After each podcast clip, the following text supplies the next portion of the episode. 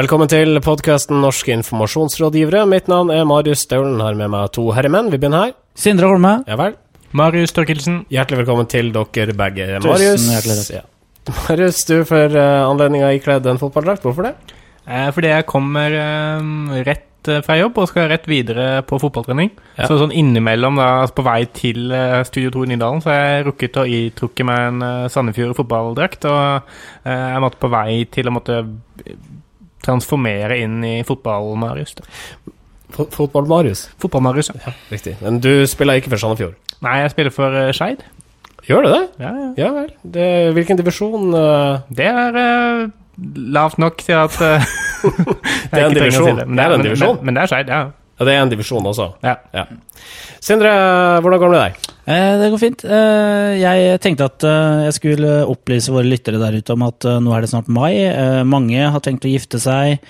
En del har tenkt til å stå til konfirmasjon, og da trenger dere kanskje taleskrivere, sangforfattere osv. Eh, altså, vi kan tilby en del tjenester i den forbindelse. Hva vi det?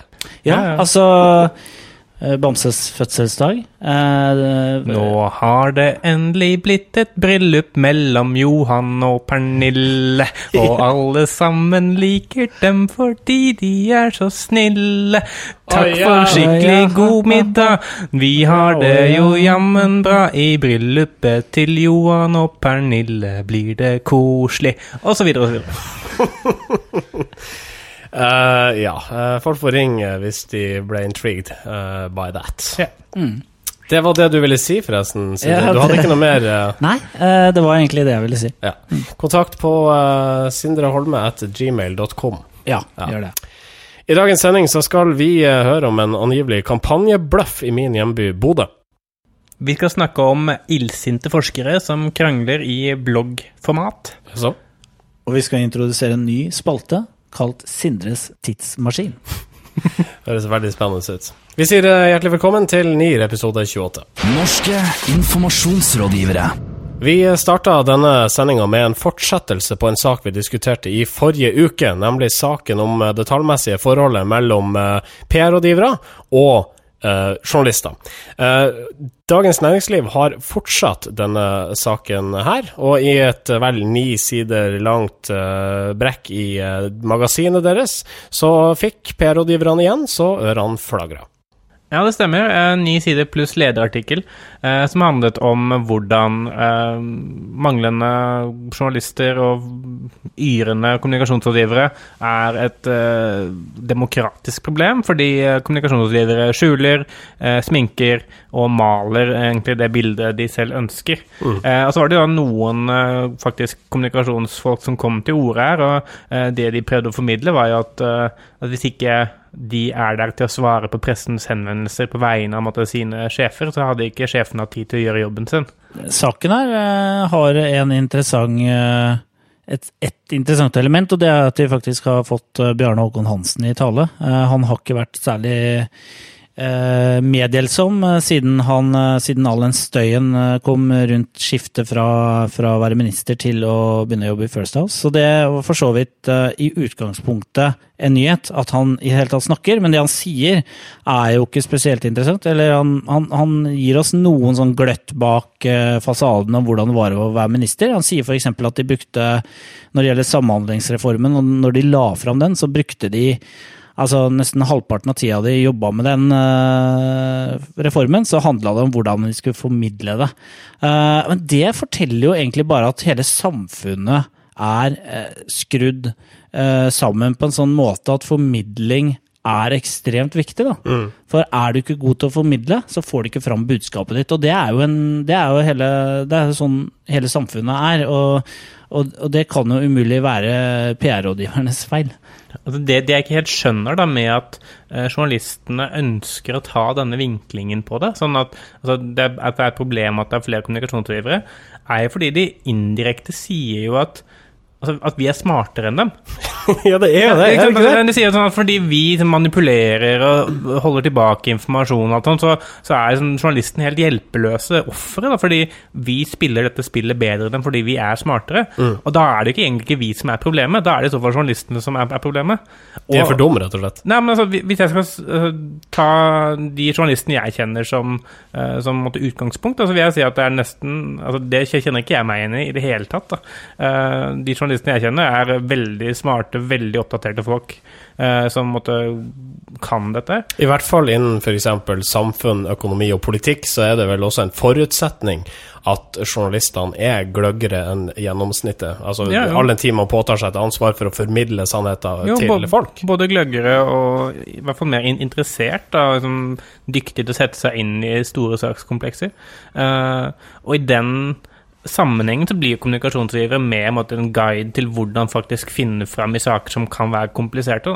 Eh, og at det er mer et samarbeid. Uh, så jeg, skjønner liksom ikke at Norsk Journalistlag og Thomas Spence vil liksom ta den posisjonen på vegne av alle norske journalister. Ja, det, det er på en forventa, tror jeg, av en type som eh, Thomas Spence, at han uh, uttaler seg som han gjør. Han svartmaler jo er sånn Han maler jo med en sånn eh, ganske fargerik pensel eh, når han eh, beskriver oss rådgivere. Han kaller oss smink, sminkører og tidlig Altså, det er masse blomstrende språk eh, han bruker for å beskrive oss.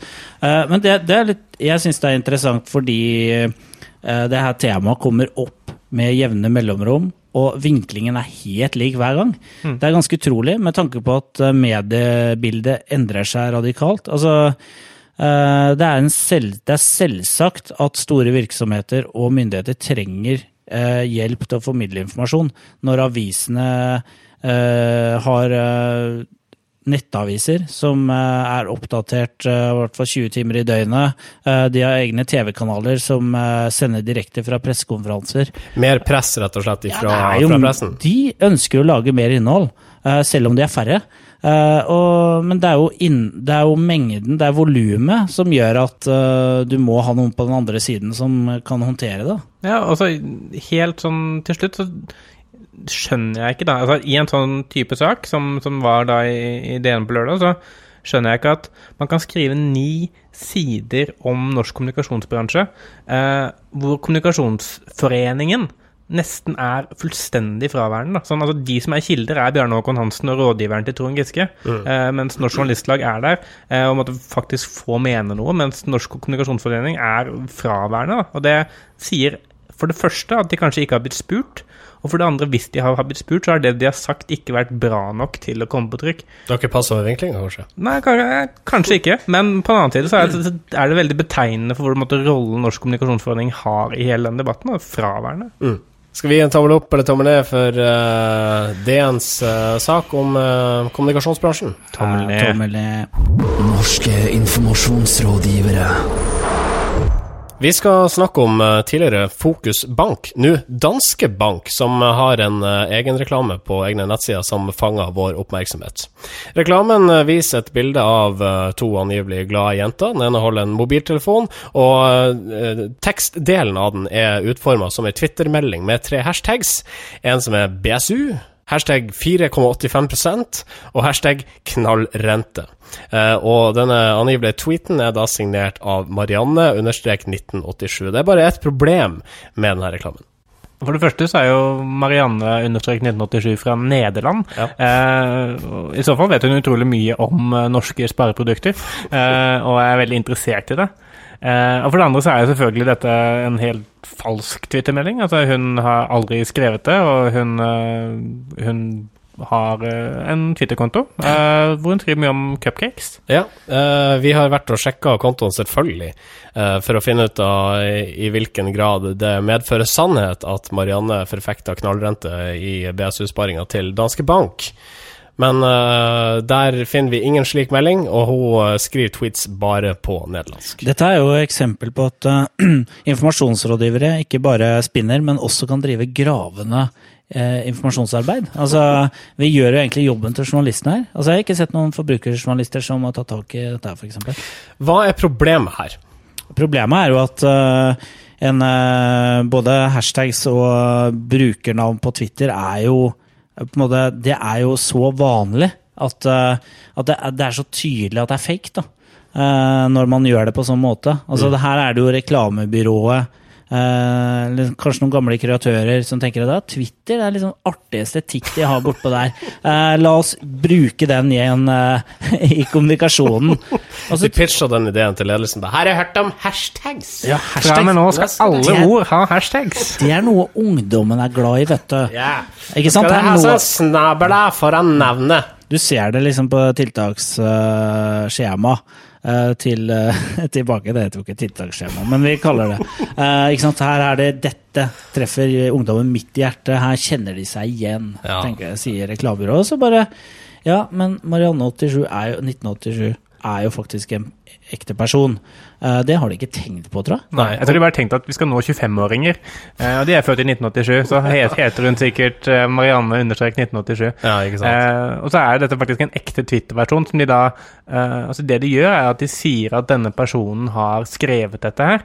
Eh, og selv om det ikke er noe sånn Twitter-logo eller symbol eh, på den banneren, så er det likevel helt tydelig at det er det de later som det er. da, At det er en, en Twitter-melding hvor noen har tvitra om knallrente. Og det kommer ut ifra at eh, altså, det er en sånn, Teorien sier jo at uh, man opplever sitater og statements fra andre um, som mye mer troverdig enn som statements fra virksomheter. Mm. Og det er, Fokus slash Danske Bank ønsker å liksom, prøve seg på her, da, som sier ja, men det er mange andre som synes at vi har knallrente. Jeg ser på Marianne 1987, for eksempel. Hun Mm. syns at denne renta er kjempebra. Mm. Eh, altså, I hvilken grad kan man si at et Twitter-navn er personlig, altså at du eier uh, retten til Twitter-navnet ditt? Jeg, jeg vet ikke helt. Jeg, jeg syns, det er litt vanskelig å uh, på, på en måte så er det jo helt Altså Hvis noen sier at Hvis jeg siteres i en sak da, med mitt Twitter-navn, så er det veldig lett for andre da å sette det Twitter-navnet i sammenheng med meg og anta at det er mitt sitat. Eh, og da er jo da er det sitatet villedende hvis jeg ikke har sagt det. Og det er det som Danske Bank gjør her. Da. Altså de, eh, de sier jo ikke at Marianne 1987 har sagt dette, men de får det til å virke som om dette er et sitat fra henne. Eh, og da kan det knyttes opp mot en konkret person som bor i Nederland, og det er, liksom, det er problematisk. Da.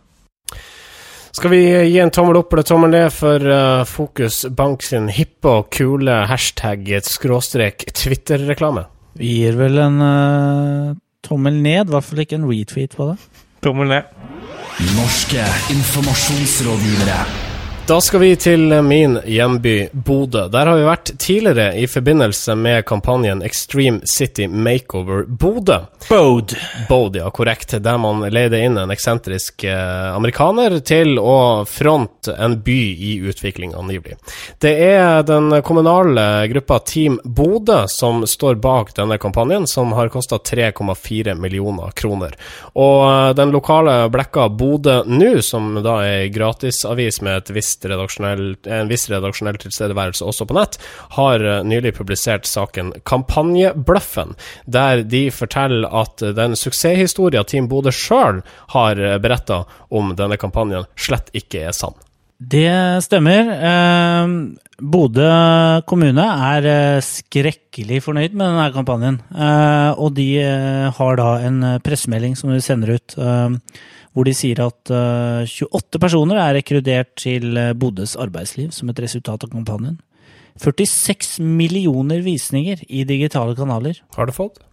Det har du fått. Eh, 50 000 besøkte kampanjens nettside. Én million mennesker har sett Bodø Gangnam Style, der muntre pensjonister forsøksvis danser som den sørkoreanske artisten Psy. 11% av leserne til Dagens Næringsliv sier de vurderer å flytte til Bodø på bakgrunn av en nettannonse på dn.no. Ja, og så har Bodø nå gravd i tallene og fått rapporter fra eh, avisene der det har vært annonsert. Og så viste det seg at det slett ikke er så bra som det Team Bodø forteller. Nei, altså eh, Bodø nå eh, virker også litt sånn indignert over at denne kampanjen har funnet sted i første omgang. Det skal jo sies at det, de har en betydelig sånn egeninteresse i å sverte den kampanjen av en eller annen grunn. Ja, virker Og noe, noe farga språk, en smule tendensiøst. Ja, men, men uansett så er det en litt sånn interessant eh, kall det jobb de har gjort. Da, for de har gått gjennom da, disse tallene som, eh, som eh, Bode eh, oppgir, eh, og uh, snakka med litt eh, fagfolk. Jeg snakka med folk fra eh, altså Carl Fredrik Tangen fra Markedshøgskolen. Jeg snakka med eh, Sverre Bech Sjøtun i, i Mindshare osv. for å høre litt om er, er dette virkelig bra tall.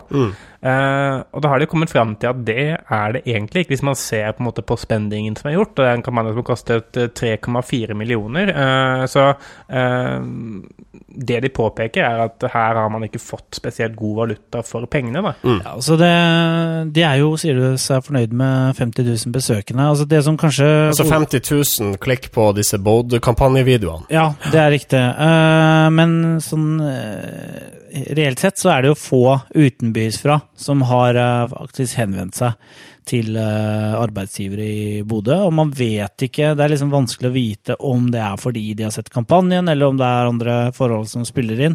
Så det Bodø kommune mm, kanskje feiler litt på her, er jo å være tydelig på hvilke mål de hadde for den kampanjen. For det, jo, det, det tar jo tid. Eh, Det viser jo alle sånne kampanjer hvor du skal egentlig bygge kunnskap hos en eh, målgruppe. eh, Som kanskje ikke vet hvor Bodø er, og ja. Det skal mye til da, for å flytte fra et sted til et annet, og det, det, det, det tar tid. Så det å på en måte være strålende fornøyd og vise til trafikktall, det er kanskje ikke så veldig lurt, da. Ja, og, og så er det et, et ankepunkt til som går på uh, For et av de mest imponerende tallene, som er litt, sånn, det som er litt oppsiktsvekkende, er at én million personer så denne Gangam-style, altså Gamlit-style-videoen uh, av Bodø eldreforening, eller hva det, hva det var for noe. Eh, og så har de også gått gjennom de tallene der, og så og så viser det at hvis man da summerer opp tallene fra YouTube-videoen og Vimeo-videoen, så har de 316 000 views. Eh, og i tillegg da, så har en snutt av denne videoen blitt vist i en sånn nettsak på tv2.no, hvor de da har estimert at 700 000 mennesker har lest den nettsaken og sett videoen, eh, som til sammen da blir én million. Eh, og det er på grensen til løgn. Altså sånn det, det, den, den skjønner jeg at man blir tatt for. Det er lett å tulle med tallet i, i digitale kampanjer, fordi man kan uh, egentlig få så store tall man vil. Fordi at eh, det mm, man ofte gjør når man ikke får liksom sånn kjempegod respons, så begynner man å snakke om impressions, altså visninger eller eh, antall eh, ganger en kampanje kan ha blitt sett. Da. Ja, for hvis eksempel en, eh, det ligger en banner på toppen av DN, da, og så er det en eh, kar som er inne og leser saker på DN, så leser han ti saker, så vil det være ti eksponeringer pluss førstesida uh, da han uh, klikka seg inn der. Ja, altså jeg husker jo eh, på 80-tallet så var det en eh, kampanje i, i, for å gjøre liksom Fredrikstad mer attraktiv, som heter Det ordner seg i Fredrikstad. eh, Hvor Fredrikstad-folk kjørte rundt med sånne snakkebobler hvor det sto Det ordner seg. Og det er jo en kampanje som helt sikkert hadde mye bedre interneffekt enn den hadde en rekrutteringseffekt. Altså den, hadde, den gjorde folk litt mer sånn bevisst, kanskje litt mer stolt av sin egen identitet osv. Men jeg tviler på at den fikk folk til uh, byen. Altså et, kommunikasjons, uh, et kommunikasjonstiltak alene kan ikke skape en reell endring for Bodø, tror jeg. Altså, her, må det være, her må det skapes interessante arbeidsplasser. Det som hadde vært veldig interessant, er om et års tid å se på fraflytningstallene fra Bodø. Fordi jeg ser for meg at dette er en kampanje som har fått litt oppmerksomhet i resten av Norge, eh, litt i NIR annet, men som har fått veldig mye opp, opp, oppmerksomhet i Bodø. og som, eh, Jeg vet ikke hvor mange prosent av de som har vært inne og kikket på siden og sett på han gærne amerikaneren og Gangnam Style-gamlisene som er bodøværinger. Mm, er Sikkert overraskende mange. og det er mulig at man har blitt mer bevisst fornøyd da, eh, over faktisk det å bo i Bodø, for det er mye bra ved det, eh, som man kanskje ikke tenker på i det daglige, som kan påvirke kanskje fraflytting. Da. Ok, skal vi gi en eh, tommel opp eller tommel ned for omdømmekampanjer for byer? Nei, ikke noe grunn til å ikke gjøre det, i hvert fall. Eh, bare være redelig med tallene. Bare, bare man eh, har eh, tydelige mål, så kjør på, tenker jeg. Ja. Tommel opp, da. Tommel opp. ja. Og apropos mislykka omdømmekampanjer. Nylig så presenterte kunnskapsminister Kristin Halvorsen søknadstallene for høyere utdanning. Ja, det er flere som ønsker å ta den, men stadig færre vil bli barnehagelærere. Dette er selvfølgelig dårlig nytt for Kunnskapsdepartementet, som har brukt millioner av kroner på en kampanje hvis formålet er nettopp å rekruttere flere til denne utdanninga. Jeg, jeg syns det er veldig in interessant, for dette var en sak som sto på trykk eh, på tv2.no eh, på mandag. Og eh, det, altså vinklingen er sak, i saken er ikke sviktende søkertall til eh, barnehagestudiet, det er eh, reklamekampanje virket ikke. Eh, altså, og det fra en måte et sånt riksmedie som da tv2.no jo, er. Eh, og det henger selvfølgelig sammen med at de har omtalt denne saken tidligere, hvor da vinklingen var at Erik Thorstvedt måtte jobbe gratis, eh, måtte delta gratis i denne filmen selv om den kosta en million. Eh, så det virker som de nesten er sånn snurt over at de har tidligere brukt spalteplass på kampanjen, og så fungerte den ikke engang. Altså, altså Kan man bruke ordet million i en overskrift, så gjør man det. Altså Man eh, sier jo at millionvilla eh, påtent. Altså, alle villaer koster jo over en million. Altså Det er det ordet, men det, altså det, det er Altså, Altså, barnehagepedagog, da, eh, er ikke et eh, attraktivt yrke. Og det er jo eh, Det er noe som må graves litt mer i, tror jeg. For at eh, barnehagepedagoger er veldig dyktige folk. Det viser brukerundersøkelser. som viser at foreldre til barn i barnehage er veldig fornøyd med den oppfølgingen og den kunnskapen som pedagogene sitter på. Og, og, og så er det jo Vinklingen på denne kampanjen var jo litt sånn hvor Det virka som de prøvde å ta tak i det. Sånn at de sier at dette er en viktig stilling. Eh, jo, men altså, Det er greit å jobbe med barn, og sånn, men det er jo viktig. Eh, husk på det. Eh, like viktig som lærer, nesten. Eh, og det har tydeligvis ikke kommet fram godt nok. Eh, ellers så har ikke eh, det at en, denne stillingen er viktig, vært tilstrekkelig nok til at folk har giddet å søke.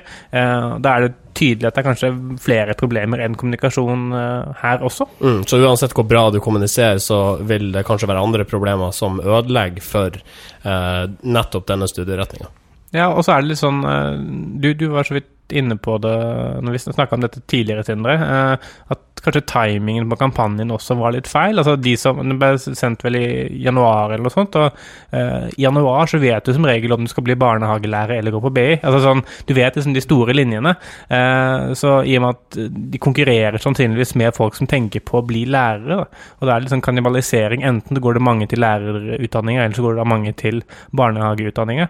Eh, Men totalsummen går kanskje ikke opp eller ned, da. Så de burde gjennomført den tidligere, da. Ja, eller i hvert fall kanskje se på effektene neste år, da. Det er mulig at man ser mot en dreining over et år. At de som har blitt eksponert for den i år, skal søke neste år, kanskje har blitt mer positive til å bli barnehagelærer. Uh, så jeg tror man skal måle på mye mer enn søkertall før man hardnakka påstår at det er en eh, fiasko.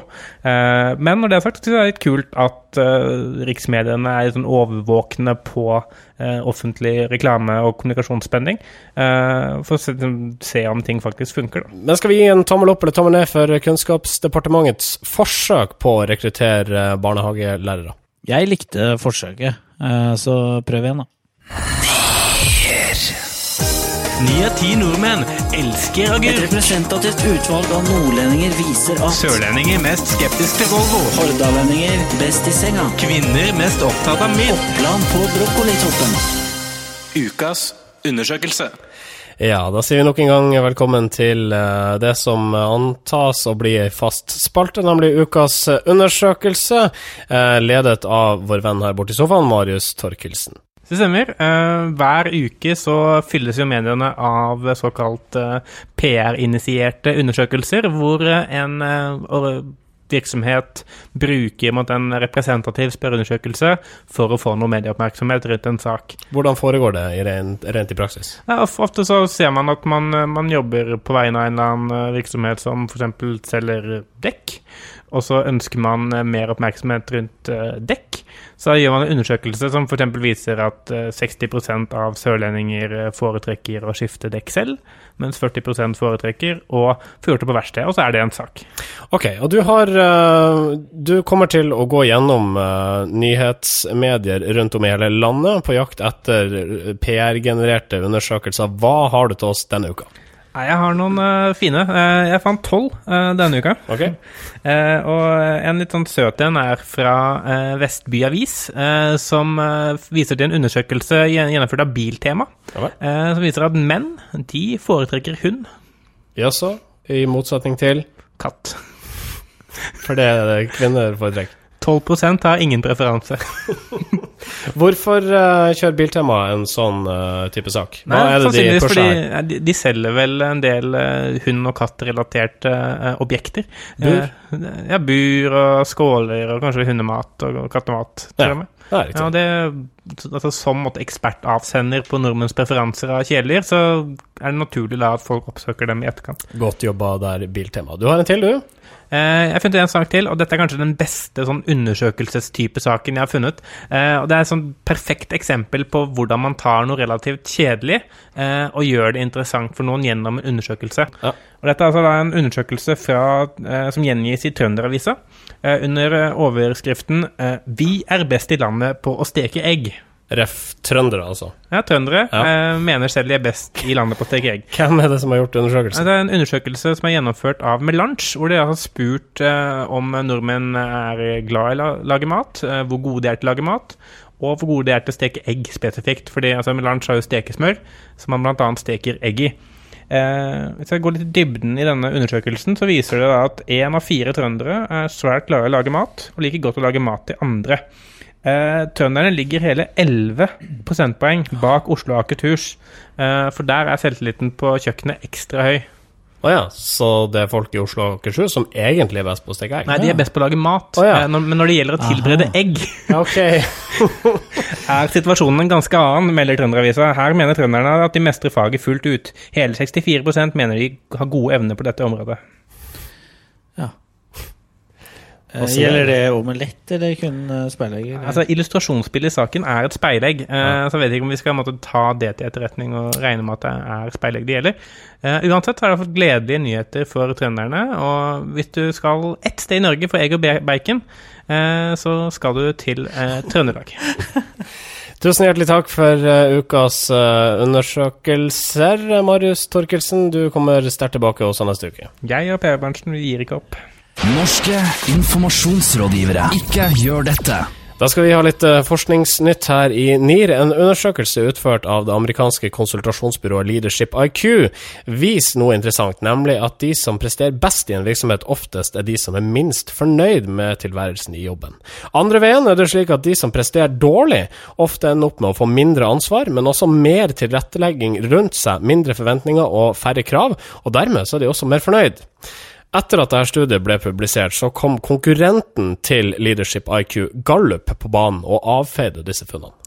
Ja, Gallup eh, de eh, kommenterte dette funnet fra Leadership IQ og påpekte at de mente at her var det gjort eh, rent sånn researchmessig ting som uh, ikke var riktig, da. Metodefeil, rett og slett. rett, rett, rett og slett metodefeil fra Leadership IQ, og de bestrider liksom definisjonen de bruker, hvordan de har operasjonalisert begrepene og sånn i, i studiet, også helt ned på spørsmålene som, som blir stilt.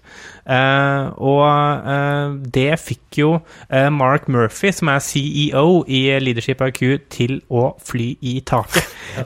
Han, som som tilsvar da på denne kritikken fra Gallup, så presenterer han eh, et langt blogginnlegg på, på Leadership IQ sin blogg, eh, som er også sendt ut eh, per nyhetsbrev til alle som måtte abonnere på deres liste, hvor han avfeier alt som Gallup skriver, med så mye patos og så mye sånn Så mye emosjoner at det bare blir en god, gammeldags rant. Blir ikke det veldig feil at uh, meningsmålingsinstitutt eller en sånn type institusjon og bruke mye patos? Altså Her skal man argumentere logisk, skal man ikke? Jo, Ja, det. Logos. Ja, logos, ja.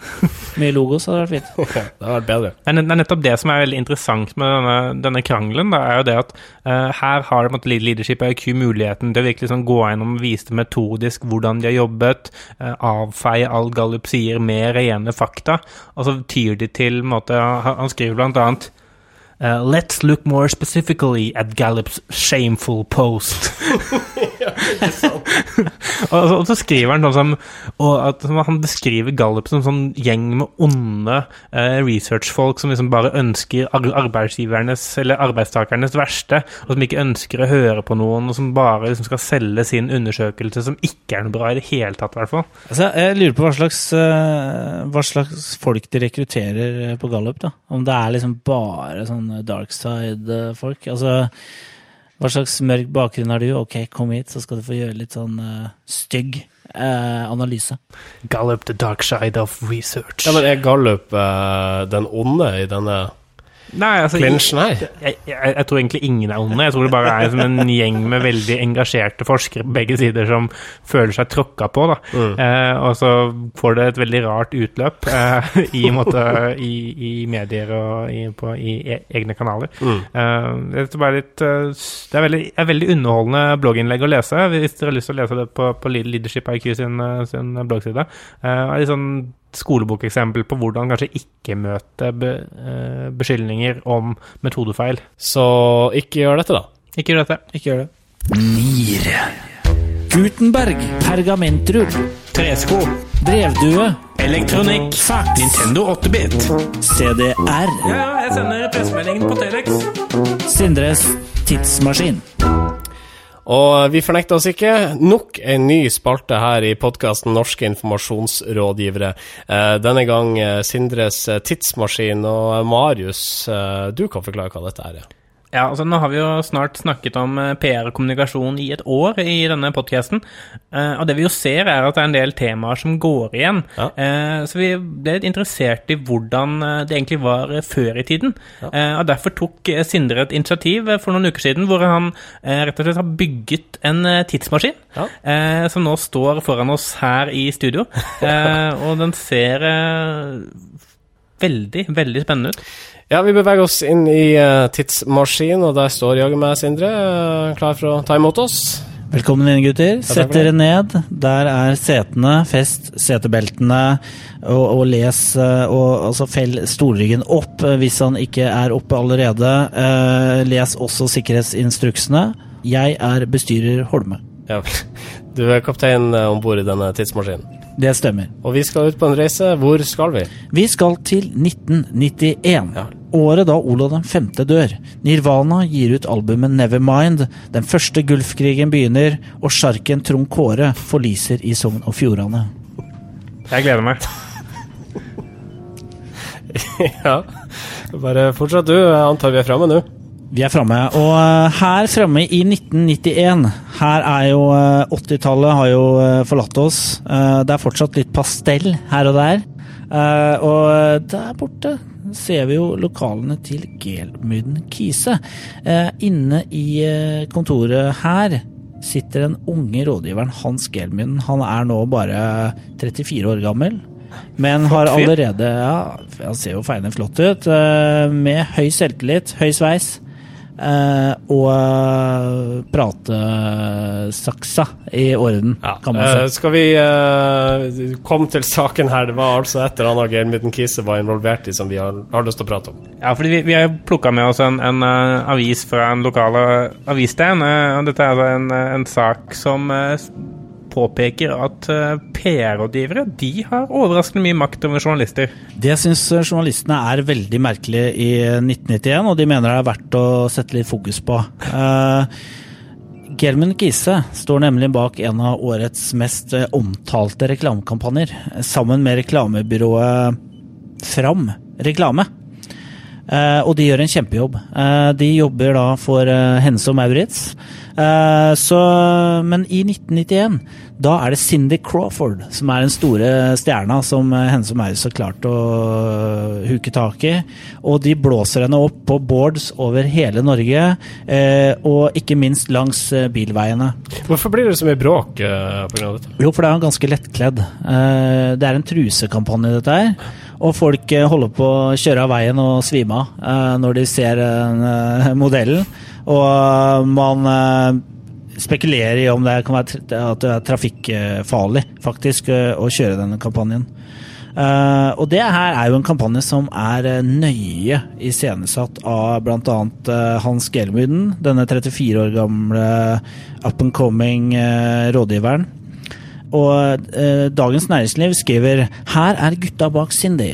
Informasjonsbyrået Gilman og Kise har styrt norsk mediedebatt de siste ukene. De har manipulert norske journalister og pisket opp stemningen rundt den avkledde modellen Cindy. Historier er grundig forberedt og solgt inn til aviser og kringkasting. Jeg merker jeg blir litt uh... Sa de kringkasting da, eh, i 1991? Ja, det var før uh, kringkasting, altså casting, fikk den uh, intonasjonen som det har i dag. Uh, det som jeg virker litt sånn skremmende, er jo dette med at eh, her er det helt tydelig at eh, disse gryende medierådgiverne har altfor mye makt over norsk presse. Eh, og det må også sies at her er det jo Norske journalister er jo nesten dobbelt så mange som de er i 2013. Eh, og likevel så blir de lurt opp i stry av bare et par eh, Men, men det, som er litt, du kan si det som er litt forskjellen her, eh, med det som skjer seinere i 2013 og rundt der, det er at eh, PR-rådgiver Hans Gelmin har veldig stor selvtillit og er egentlig ganske stolt av å kunne lure journalister. Det er man jo ikke i 2013. Da er man jo mer sånn nei, beklager, altså vi mener jo ikke å manipulere. Altså vi, vi prøver å være greie mot journalister, og journalister er våre beste venner osv. Men Gelmin han sier her vi visste at Cindy ville bli et hett tema. I år gjaldt det å presse motstanden av banen med saklige argumenter. Så kunne vi porsjonere ut ideer og nye vinklinger til journalister etter hvert. Hele tiden ligger vi foran mediedebatten med ny dokumentasjon, forteller partner Hans Gelmid. Ja. Skal vi eh, komme oss i romskipet og dra hjem igjen?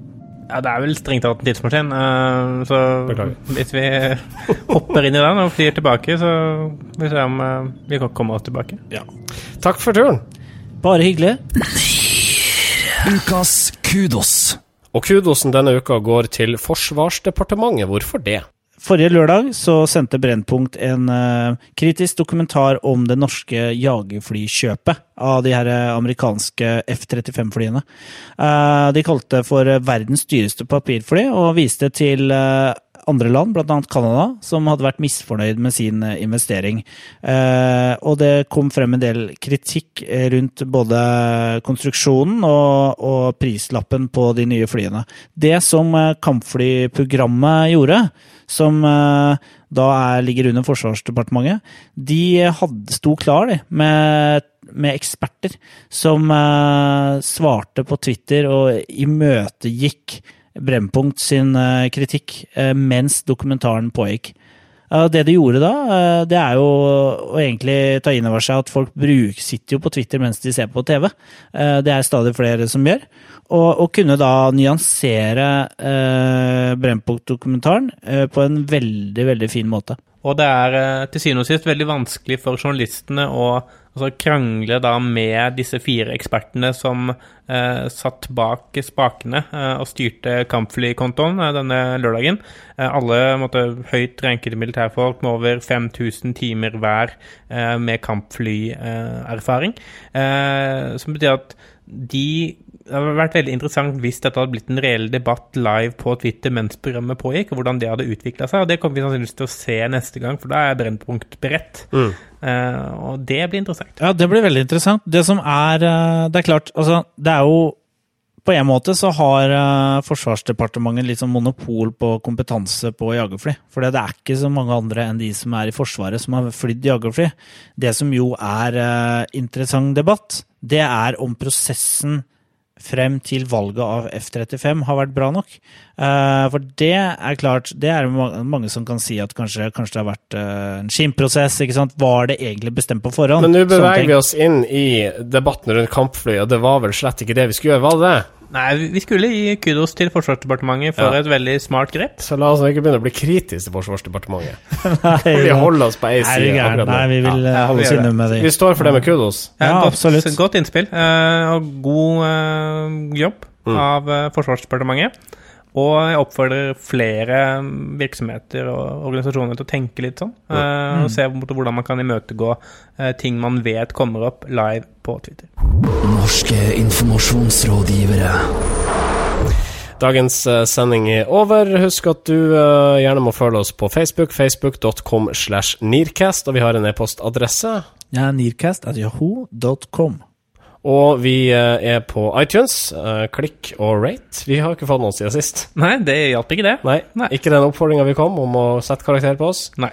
Eh, Selv om vi appellerte til de som ikke liker programmet. Eh, vi har også en SoundCloud-konto dersom du foretrekker bare å laste ned MP3-filer, eller bare klikke og spille den av eh, live. Det er soundcloud.com slash nearcast. Vi avslutter avslutta den sendinga slik som vi alltid gjør, ved å si våre navn, men i dag, for å spice det litt opp, så begynner vi der borte. Marius Torkelsen. Sindre Holme. og Marius Staulen, ha en fin dag. Norske informasjonsrådgivere.